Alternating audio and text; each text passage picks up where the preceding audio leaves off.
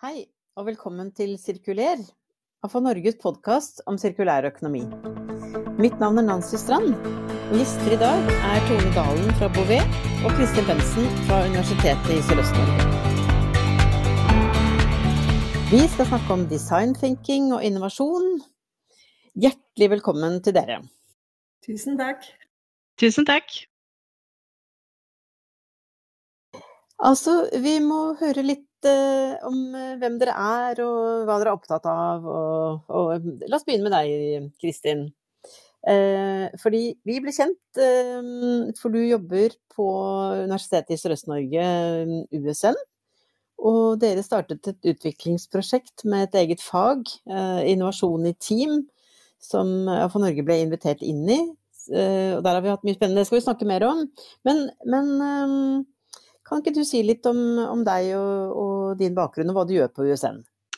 Det kan jeg. Jeg er førsteamanuensis i innovasjon og entreprenørskap. Ehm, jeg har bakgrunn fra privat og offentlig. Eh, jobbet, jobbet in the real world, for å si det sånn. Ehm, og så ehm, har jeg en master i innovasjon og ledelse. Eh, så er jeg da emneansvarlig for dette emnet som du da snakker om, innovasjon i team.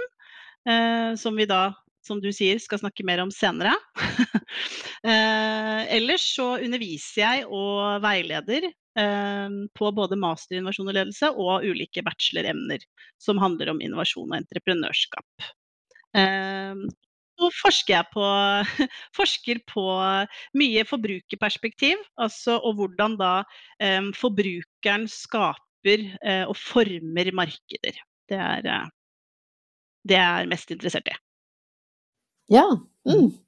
Du, uh, veldig spennende. Og, og Tone, du, du, jobber nå i konsulentselskapet Bouvet, men eh, jeg tror veldig mange av de som lytter på denne podkasten, kjenner deg fra, fra renovasjons- og gjenvinningsetaten i Oslo kommune. Så kan ikke du si litt om din bakgrunn? Jo, det kan jeg gjøre. Ja, eh, jeg har uh, jobbet egentlig ganske mange steder etter hvert. Så jeg er på CV-en min, så det betyr vel at jeg er, jeg tror jeg er ganske sånn nysgjerrig av natur. Og så har jeg alltid likt å ha jobber som har mening for meg. Og det syns jeg jo var veldig spennende i renovasjon- og gjenvinningsetaten. At samfunnsoppdraget er veldig, veldig spennende. Men jeg er også litt sånn rastløs av natur. Så etter å ha vært der i fem år, så tenkte jeg at nå vil jeg prøve noe nytt. Eh, og så nå jobber jeg da i Bouvet, som er et konsulentselskap som kombinerer design eh, og teknologi og, og rådgivning. Og eh, det jeg liker veldig godt med å jobbe der, er at det er veldig tverrfaglig, og man er veldig opptatt av kompetanseutvikling hele tiden. Og, så design thinking er jo noe man egentlig prøver å etterleve også internt i Bouvet. Så det syns jeg er veldig spennende. Ja, og det, det for Norge har jo et uh, eget uh, program, uh, REDU, som nettopp handler om kompetanse. Og få ny kompetanse inn, inn i bransjen, men også videreutvikle den, den, vi har, vi som allerede jobber der. Og, og, det var jo noe av bakgrunnen for at vi ble med på det faget hos dere, Kristin, innovasjon i team. Fordi vi ville veldig gjerne komme i kontakt med studentene og fortelle dem hvor spennende denne bransjen er, og uh, hvor veldig mange interessante problemstillinger som kanskje ikke syns på overflaten. Så uh, jeg hadde jo gleden av å følge dette faget i fjor høst, og, og, lærte også veldig mye om den metoden. Det må vi snakke litt mer om nå. Uh, fordi design thinking, hva hva, hva, betyr det egentlig? Kristin, kan ikke du begynne? Det kan jeg. Eh, vel, sånn som vi anvender det eh, i emnet som du snakker om, så tenker vi på det som en god måte å jobbe med innovasjon på. Eh, fordi i eh, Innovasjon i team så jobber vi da i eh, tverrfaglig team som har fokus på eh, også altså jobbe iterativt da, i åpne innovasjonsprosesser.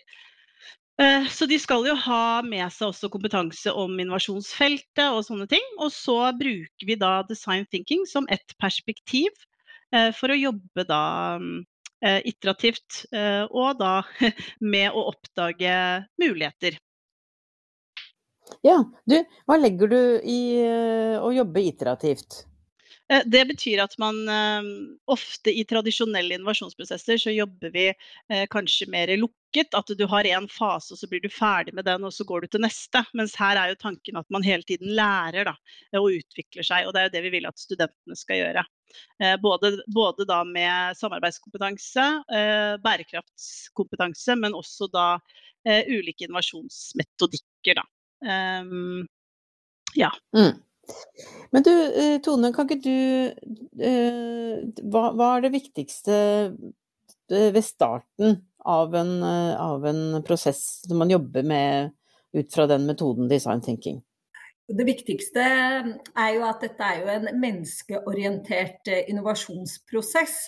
Så det viktigste i denne prosessen er å være interessert i mennesket og prøve å kartlegge behovene eh, som folk har, eller som målgruppa har.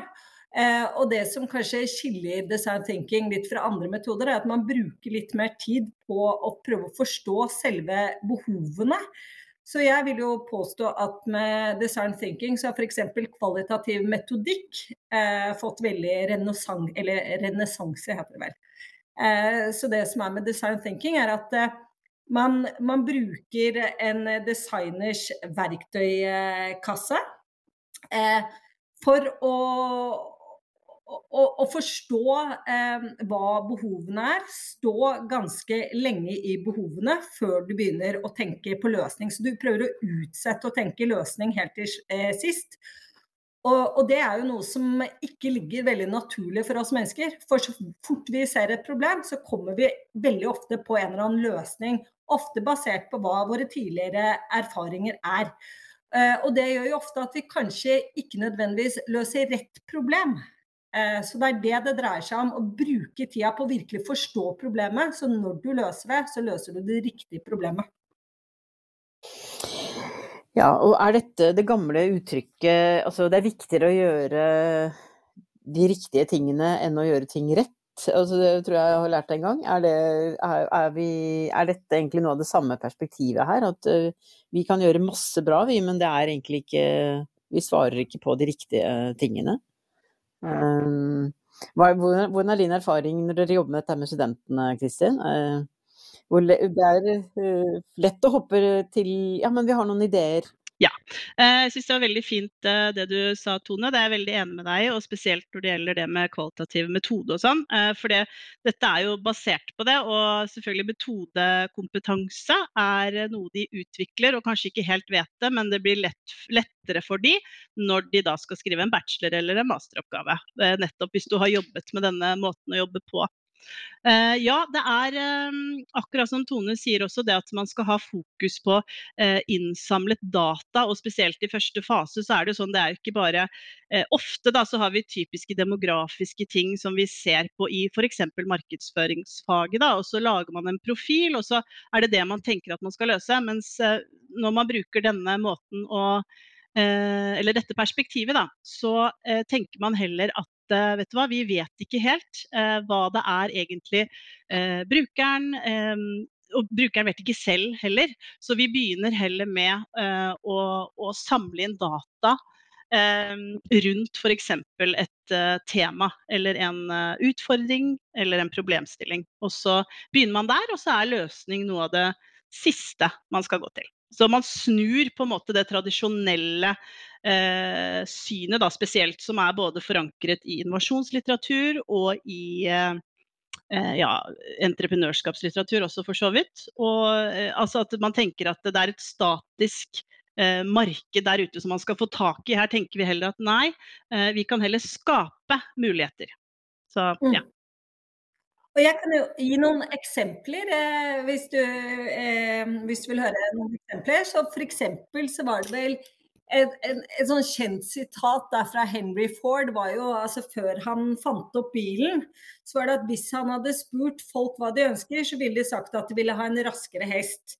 Mens han fant ut at behovet var å komme seg raskere fra A til B, og så fant han opp eh, bilen.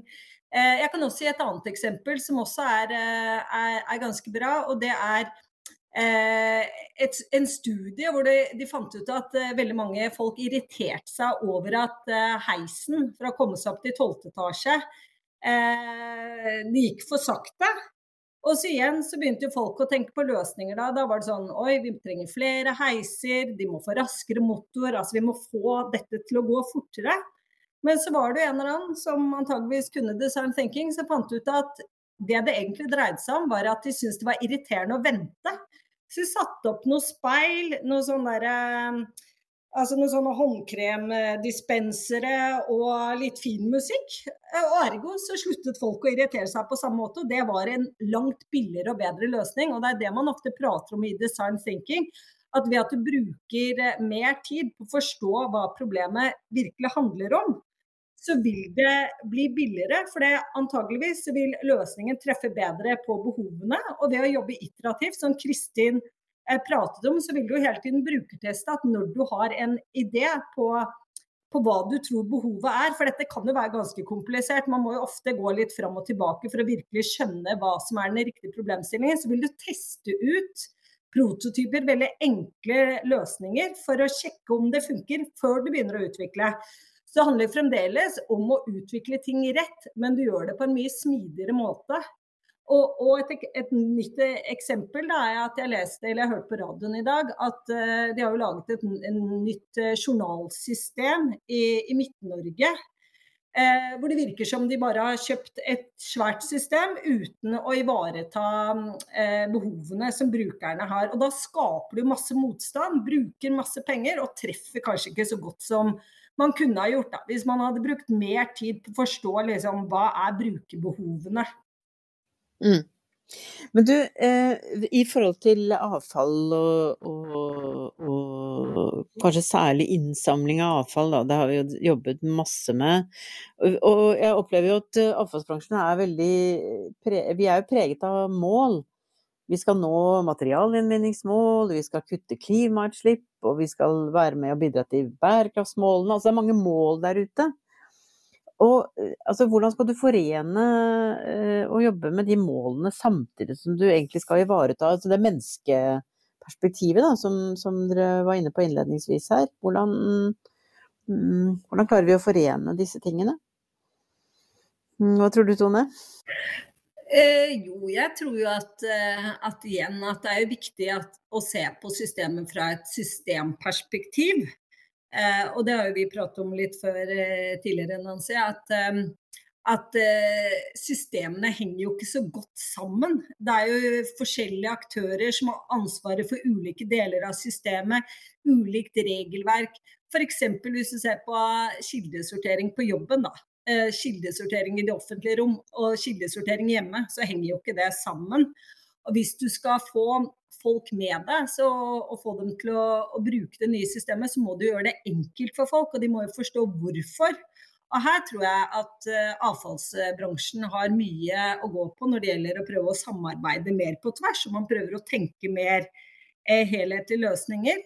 Men eh, også å jobbe ut ifra det handlingsrommet du har. Da. For er ikke, altså Noe er jo veldig langsiktig, og andre kan du jo gjøre mer i det små. Da tror jeg f.eks. det å, å, begynne å eksperimentere mye mer da, på om ting funker, at det kan være en veldig god tilnærming.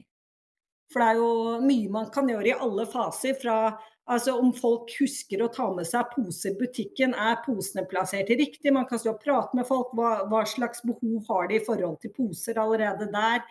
Eh, man kan, eh, altså Ulike husholdninger vil jo ha veldig ulike behov. Eh, små, single husholdninger vil jo ha veldig forskjellige behov for, fra folk som bor i villaer med god plass til lagring og kanskje også beholdere som de kan putte utenfor til glass og metall og sånne ting. Så jeg tror igjen at, at man må ut og prate med folk og prøve å forstå hva som er barrierene. Og så må man jo rett og slett prøve å eksperimentere med løsninger og se om det funker. Mm.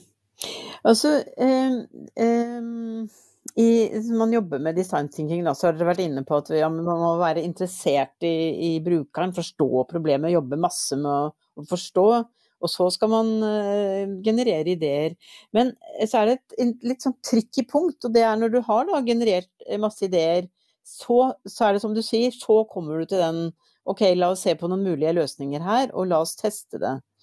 Og der eh, synes jeg Det er en litt sånn interessant fase, for der er vel også fort gjort å på en måte bestemme seg for at vi har denne løsningen, og så skal den rulles ut. Mm, eh, altså Kristin, hvordan, hvordan eh, Dere lærer jo studentene at eh, nei, nei, ikke løsning, ikke løsning, ikke løsning, men nå skal dere generere masse ideer. Eh, og så skal de samle om en, en, idé som de skal lage en sånn type prototype eller en type løsningsforslag. Da. Så hva er liksom nøkkelelementene i hva studentene skal lære da? Uh... Nei, det er jo som du sier, så de blir jo veldig glad når de kommer til at de kan uh, generere ideer. Uh, for veldig ofte så har man jo selvfølgelig noen tanker underveis. Og så kommer det også litt an på hvor lange kursene er, hvor mye tid de har til å gå mange iterasjoner, som selvfølgelig er mest hensiktsmessig ofte. Um, så det er jo da å jobbe Vi har jo, bruker jo f.eks. i det innovasjonsteam, så har vi brukt uh, Crazy Eight for idégenerering. Det finnes mange verktøy for idégenerering. Tone kan sikkert mange flere enn meg. Um, men uh, da sitter det, det handler om kvantitet, få opp mange ideer, og så må det jo da diskutere seg uh, gjennom, uh, gjennom disse. Um, og teste, da. Og gjerne høre med, med, da, De har jo gjerne utviklet en personas, så da er det jo da å, å teste opp mot uh, den arketypen, da. Det kundesegmentet eller bruker uh, som han har tenker på å designe for. så det er jo hele tiden å teste fram og tilbake. Og de ser jo kanskje at de trenger enda mer informasjon. Altså, som sagt, det kommer litt an på hvor god tid man har. Mm. Ja, ikke sant. Og der har vel kanskje faktisk eh, real life eh, en, en, fordel, fordi der kan man faktisk tillate seg å, å nettopp teste og gå litt tilbake. Og... Men jeg syns det var en, en, interessant ting, og det er det at den, den, eh, når man skal begynne å teste mulige løsninger, så skal ikke den løsningen være for god. Og i betydningen må, du, må ha, du, må ha, du må ikke presentere et veldig fiks, ferdig konsept du må, du må, eh, Altså, du må lage noen skisser. Det er, litt, litt mer, det er mye lettere for folk å teste en skisse enn å teste en fiks ferdig eh, det, det var nytt for meg. Eh, hva ligger bak der, eh, den måten å tenke på?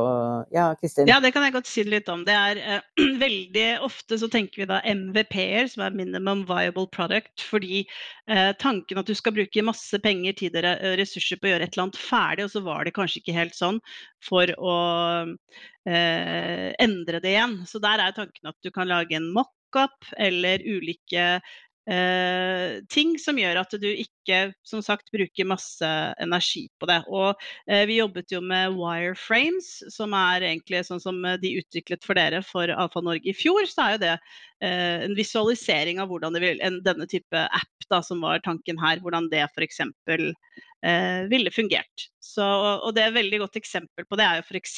swipe-knappen på eh, iPhonen.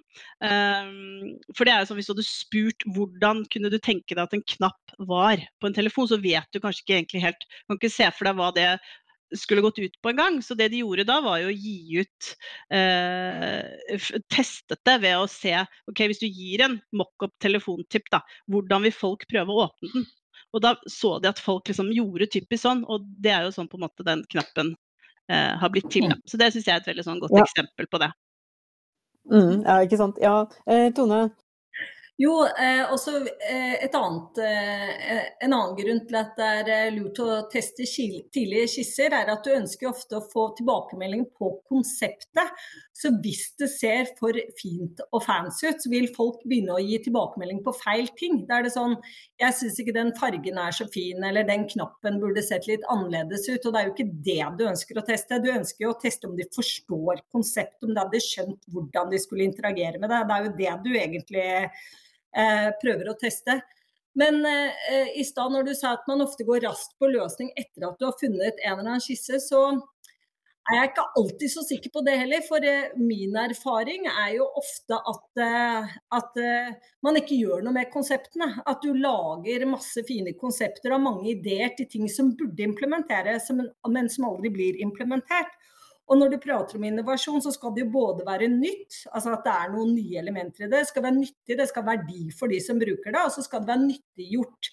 Og jeg tror jo ofte at det er i den nyttiggjorte prosessen at det ofte går litt feil. Da. Ofte så er det jo kanskje fordi at uh, man har bare finansiering for én av fasene. Så du har en finansiering for en konseptfase, men ikke for en utviklingsfase f.eks. Eller at, at, det er jo ganske arbeidskrevende når du skal begynne å teste og eksperimentere og den type ting. Så det krever jo at folk jobber på mye ulike, eller på nye måter. Eh, altså design thinking, det, det, det, hvis, hvis, du skal implementere det, så fordrer det også at hele organisasjonen eh, gjør seg mer i stand kanskje på å jobbe på nye måter. Man, eh, man, og man trenger en veldig sånn tydelig forpliktelse og forankring i toppen på at dette er noe vi ønsker å gjøre. For hvis du har noen designere eller noen saksbehandlere eller noen i en eller annen eh, avdeling som sitter og lager et konsept for seg selv, så vil jeg tro at i implementeringsfasene vil man stort sett alltid få store utfordringer. Ja. Men du, jeg syns et morsomt eksempel da, er uh, dette med Dette er jo mange i bransjen som ser på dette med overgangen fra veldig faste ruter for innsamling av avfall til mer brukerstyrte ruter, eller også, også behovsstyrte. Det kan være enten ved at uh, innbyggere sier at nå er min dunk full, eller det kan være fra avfall hvor man ser at konteineren er full og det er sensorer som sier fra osv. Så, så der har man jo sett eksempler på hvordan da ved å involvere også de som blir berørt da, av en endring, eh, blir veldig mye mer positive når de også får være med i denne prosessen og se Det er ikke bare brukeren som skal oppleve dette som en, en forbedring, men det er også sjåførene, de som jobber med planleggingen. Det, det, jo, det blir jo komplekst etter hvert. Eh, disse, vi, vi snakker endrings, endringsledelse her. Ja, og i stad da jeg forberedte meg litt til denne podkasten, så satt jeg og så litt gjennom både sånn igjen da, litt sånn derre eh, bokstavene som man ofte bruker i endringsledelse med adkar. Ehm, jeg kan jo repetere det, da. Eh, men det går jo på awareness, forståelse, på desire, som er at brukerne må jo ønske det, eller de ansatte må ønske dette her. Det går på knowledge, dvs. Si at Eh, man forstår hva som skal endres, prosessene rundt. Eh, neste er ability, som går på at du faktisk klarer å gjøre det, at du øver deg, at du får de ferdighetene som det kreves. Og det siste er på reinforcement, at man opprettholder endringen over tid. Og så så jeg også på nudging litt. Og så ser jeg at det er jo veldig likt. Altså nudging og endringsledelse, det går jo hånd i hånd. Så man spiller jo veldig på lag med hjernen når man eh, jobber med endringsledelse. Eh, så det er eh, noe som jeg mener om at det tok, litt, det tok litt vel lang tid for meg. Jeg er litt flau over det at det tok så lang tid, før jeg skjønte hvor viktig endringsledelse er for å å få faktisk implementert de gode konseptene. Men, eh, men, jeg tror det er helt nøkkel i implementeringsfasen er at man jobber aktivt med endringsledelse. At man bruker en bevisst metodikk på hvordan du skal få med deg folka gjennom de ulike fasene. Da. Ja. Og det, det eh, Altså, hva, hva, vet man om, om denne overgangen da, fra konsept til til, eh, til, implementering. Altså hvordan gjøre, dette, hvordan gjøre valget, på en måte. Det, det, for det høres jo veldig fint ut. Man lager konsepter, man tester dem, så, men på et eller annet tidspunkt så må man jo faktisk si her OK, vi går for dette. Jeg tror jo at, eh, at nøkkelen ville jo vært altså når man først starter, at du har en sterk forpliktelse fra toppen om at, at, man ønsker å få til nye ting. At det er sånn vi ønsker å jobbe i vår organisasjon. Og så tenker jeg at da når du jobber med design thinking, så jobber du tverrfaglig. Du skaper da forankring eh, mer på tvers i organisasjonen. Du har med teknologer som tenker er dette mulig å få til. Du har med økonomer som tenker har vi penger til å faktisk gjøre dette i etterkant. Du har med jurister som sier liksom er dette noe som det går an å få til ifølge norsk lov f.eks. Så da vil du jo, ved å jobbe med tverrfaglig og få med deg beslutningstakerne, så tror jeg i hvert fall at det vil være en god begynnelse da, for å kunne implementere det. Mm. Men eh, Kisse, du var jo inne på eh, AFA Norge hadde jo en case til studentene på, på, på innovasjonen i teamfag i fjor, som vi sa eh, Basically overskriften var eh, for mye avfall havner i restavfallet. Og eh, vi, vi, Apropos, vi vil også gjerne være med, være med på den brukerorienteringen. Altså at eh, vi, vi, ønsker å komme brukerne i større grad i møte for å gjøre det lettere å og sortere riktig. Og det var, det var, veldig interessant å se hvordan studentene nærmet seg den problemstillingen fra å være sånn ja, men er kildesorteringen og egentlig Hvor viktig er det egentlig? Og, og, og til å eh, de lagde jo til slutt, når de la fram dette her, så lagde de jo, de lagde jo da et, en, en, en, app uh, hvor, for å gjøre det lettere å kildesortere. Men de lagde jo et helt rollespill når de la fram dette her, som jeg syns var veldig fascinerende. For de hadde gått De hadde vært igjennom en veldig interessant reise, da. Fra de skulle begynne å skjønne hva er problemet her egentlig, for hvem.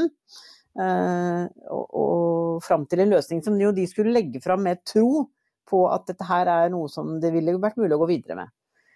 Så, så når du observerer dem, hva, hva, hva ser du? Hva er det studentene Hva er det de strever mest med?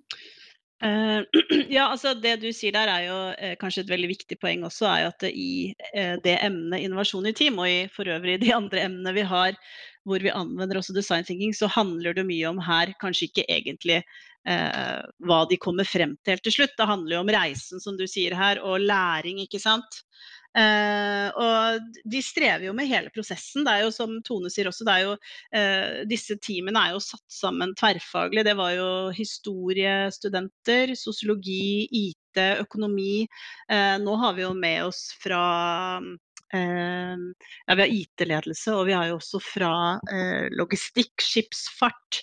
Eh, altså, så det er jo veldig mange perspektiver som skal sammen her. Så mye av det de strever med, er samarbeidskompetansen og det å eh, gå i seg selv og reflektere over hvordan det er faktisk å jobbe sammen.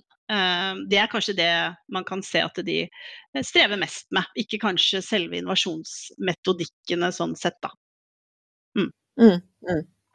Men jeg lurer på om det er det, er det din erfaring i, i, i, reelle prosesser i, i arbeidslivet, Tone? Liksom det der å få eh, altså Om du sitter på økonomiavdelingen, eller på de som sitter og vurderer et juridisk, eller eh, system, altså det operative, de har jo veldig forskjellig eh, perspektiv på, den, på det å tenke nytt. Og hvordan får man dette her til å svinge i praksis? Jeg tror jo ofte at altså, det man har vært veldig opptatt av i altså, Design thinking er jo egentlig en sånn kreativ problemløsningsprosess hvor man har puttet sammen mange ulike disipliner. Da, altså masse fra antropologi, masse fra sosiologi, masse fra filosofi, ingeniørfag osv. Eh, så, så, det jeg syns er veldig nytt i forhold til f.eks. For antropologien, da, som jeg er jo antropolog, så det, er, eh, så det med deltakende observasjon og sant, kvalitativ metodikk og sånn har vi, vi holdt på med lenge. Men det, det jeg syns har vært veldig nytt og veldig bra f.eks. med design thinking, er jo visualisering. For ved å visualisere ting, så er det lettere å få felles mål når folk har ulike perspektiver, som du sier. Og det er jo nettopp det man ønsker å, å, bruke tid på i design thinking, er jo å forstå de ulike perspektivene, de ulike ståstedene eh, folk har. For de er jo veldig ulike, og veldig mye eh, av både hvordan vi kommuniserer og utvikler ting, er jo basert på antagelser, ofte hva vi selv tror. Men eh, da treffer vi ikke. Det er ikke så, egentlig så veldig nøye hva vi mener og tenker. Altså det som er viktig, er jo hva som funker. Og det er jo noe alle de som jobber i det tverrfaglige teamet må ha en felles forståelse om. Da. At hva vi tenker er egentlig ikke det viktigste. Det viktigste er om brukeren forstår hva de skal gjøre. Om de ansatte om vi får med de på reisen, på en måte. Mm, mm. Men en, et, et, en, en, ting eh, her fordi jeg har jo ofte tenkt på dette her i et sånt bransjeperspektiv også. At det skjer veldig mye interessant innovasjon. men det skjer på, i, hos forskjellige selskaper, kanskje noen private, noen offentlige. Og, og, veldig ofte så syns jeg observerer at det er de samme tingene som det innoveres på.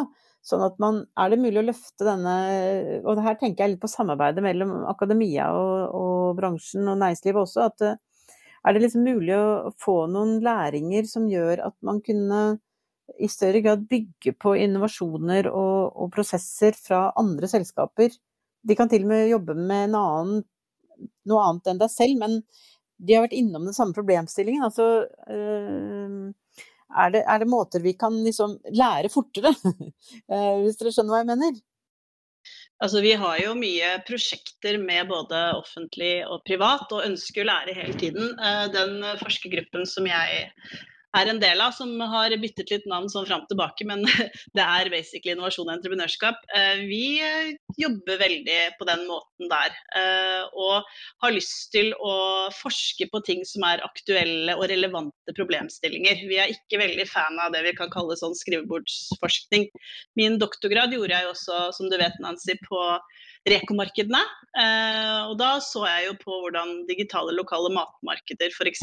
kunne være med å redusere matsvinn og sånne ting. Altså reelle, faktiske problemstillinger. Da. Så jeg tenker at eh, der har vi masse eh, å lære av hverandre. Og det som er flott, er jo når f.eks. sånn som Avfall Norge er med på ting. Vi er jo veldig avhengig av det også, at eh, både offentlig og privat at de har lyst til å være med på ting, sånn at vi kan jobbe sammen. Da. Så det er jo kanskje en veldig viktig, eh, viktig ting her.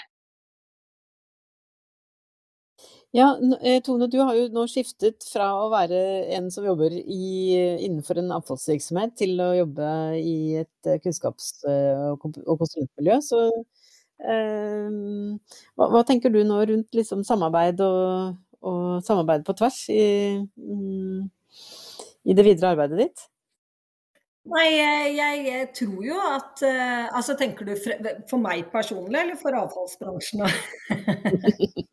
ja, eller begge deler. Akkurat nå tenkte jeg på hva, hva tenker du liksom om uh, Siden du har skiftet perspektiv nå, hva, hva, hva tenker du kan, kan, på en måte være et, et samarbeid At det ikke bare handler om én og én virksomhet, men at det handler om et større samarbeid?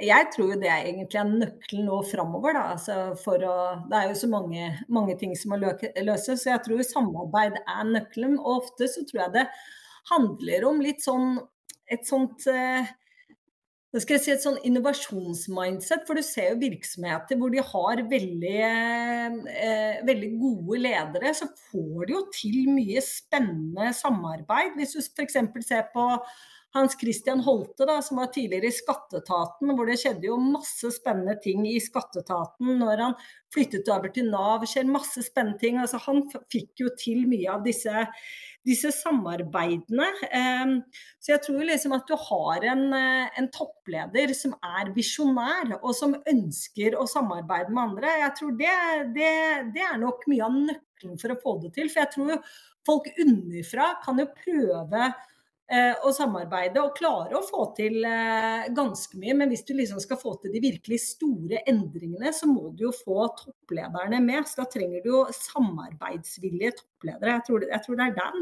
nøkkelen ligger, for å være helt ærlig. Det har vi også en del forskning på. Det du snakker om der kan jo f.eks. være da innovasjonskultur, og det må jo da eh, være gjennomsyret i hele virksomheten. Eh, ofte da, og jeg tenker sånn interessant, eh, jeg likte veldig godt i stad at du refererte til den eh, med hva i forhold til hva som er innovasjon. Da ble jeg veldig glad. med implementasjonskrav og, og sånne ting, for alt er ikke innovasjon. Uh, og det er litt viktig. Eh, og det du snakker om som endringsledelse òg, det er ikke mitt felt, men jeg kjenner jo litt til det. Og eh, det er jo samme um, vi snakker kanskje mer om innovasjonsledelse, så det blir bare egentlig litt andre måter å tenke på. Men det er det samme målet, da. Og det handler jo om en holdningsendring. Og dette med virksomhetsprosesser, det må nedfelles. Så det er ikke bare Det er viktig å ha innovasjonskultur, eh, innovasjonsklima. Dette er ting som vi, vi ser mye etter og på, men det er også dette med at virksomhetsprosesser må være nedfelt. Det kan ikke bare være basert på disse som vi kaller typiske ildsjeler, som vi ofte kan finne, som brenner for det. men det må også, som du sier egentlig, Tone, som jeg hører deg, at det må være eh, i hele organisasjonen da, for at det faktisk skal skje. Og det er jeg veldig enig med deg i. Ja. Dere, vi går inn for, for uh, rundinger nå. Det, det er det, uh, Jeg syns det har kommet fram veldig mange interessante perspektiver her. Og, Eh, så helt til slutt um, hvis, uh, hvis, man liksom skal trekke fram én ting uh, som er liksom Hvor skal man starte en her? Uh, hva kan liksom være et godt startpunkt? Mm, kan, vi, kan, vi, gi lytterne et, et, et lite tips på veien? Dette, hvis man har lyst til og ikke har gjort dette i organisasjonen før, hvor kan de starte? Um jeg tenker at det første er å, å, være nysgjerrig på andre perspektiver. For det, design thinking, det viktigste, eh, sånn som jeg ser det, er at det handler om et mindset. Det er det viktigste med design thinking. Så du må begynne å se på organisasjonen din på tjenesten din utenfra inn istedenfor innenfra ut. Du må virkelig interessere deg for brukerne, være oppriktig nysgjerrig på det. Du må prate med de ansatte, ikke minst førstelinjetjenesten, de som er veldig tett på brukerne, for å høre hva er det folk ringer inn til dere for å spørre om, hva er det de klager på. Det er disse sakene her jeg tror eh, er det, er det viktigste. Og så må man slutte å ta beslutninger basert på antagelser.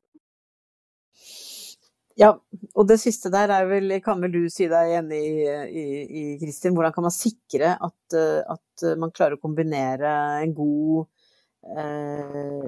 vitenskapelig tilnærming, for det er jo det vi snakker om her, eh, til fakta om brukeren og denne, denne nysgjerrigheten. Eh, ja, og så er det jo et eh, avsluttende poeng?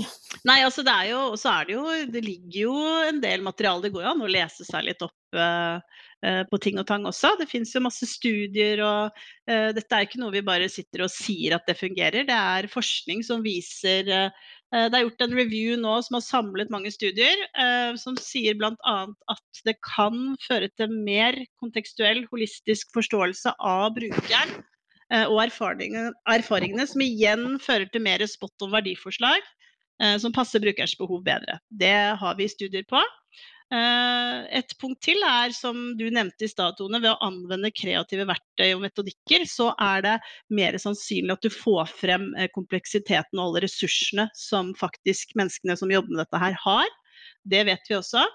Og så vet vi at uh, design thinking legger til rette for verdiskapning, som vi jo vet igjen er bra for innovasjon. Ja, supert. Og det tror jeg må bli siste ord uh, i dag. Så, så, tusen takk til dere begge for at dere kom til AFA Norges podkast. Og mm, nå har i hvert fall jeg lært veldig mye mer om både design thinking og endringsledelse og innovasjon. Så tusen takk. Tusen takk selv, Nancy, for at uh, jeg ble invitert. Tusen takk. Da gjenstår det bare å takke alle som har hørt på, og takk til vår produsent eh, Håkon Bratland. Vi høres igjen snart. Ha det bra!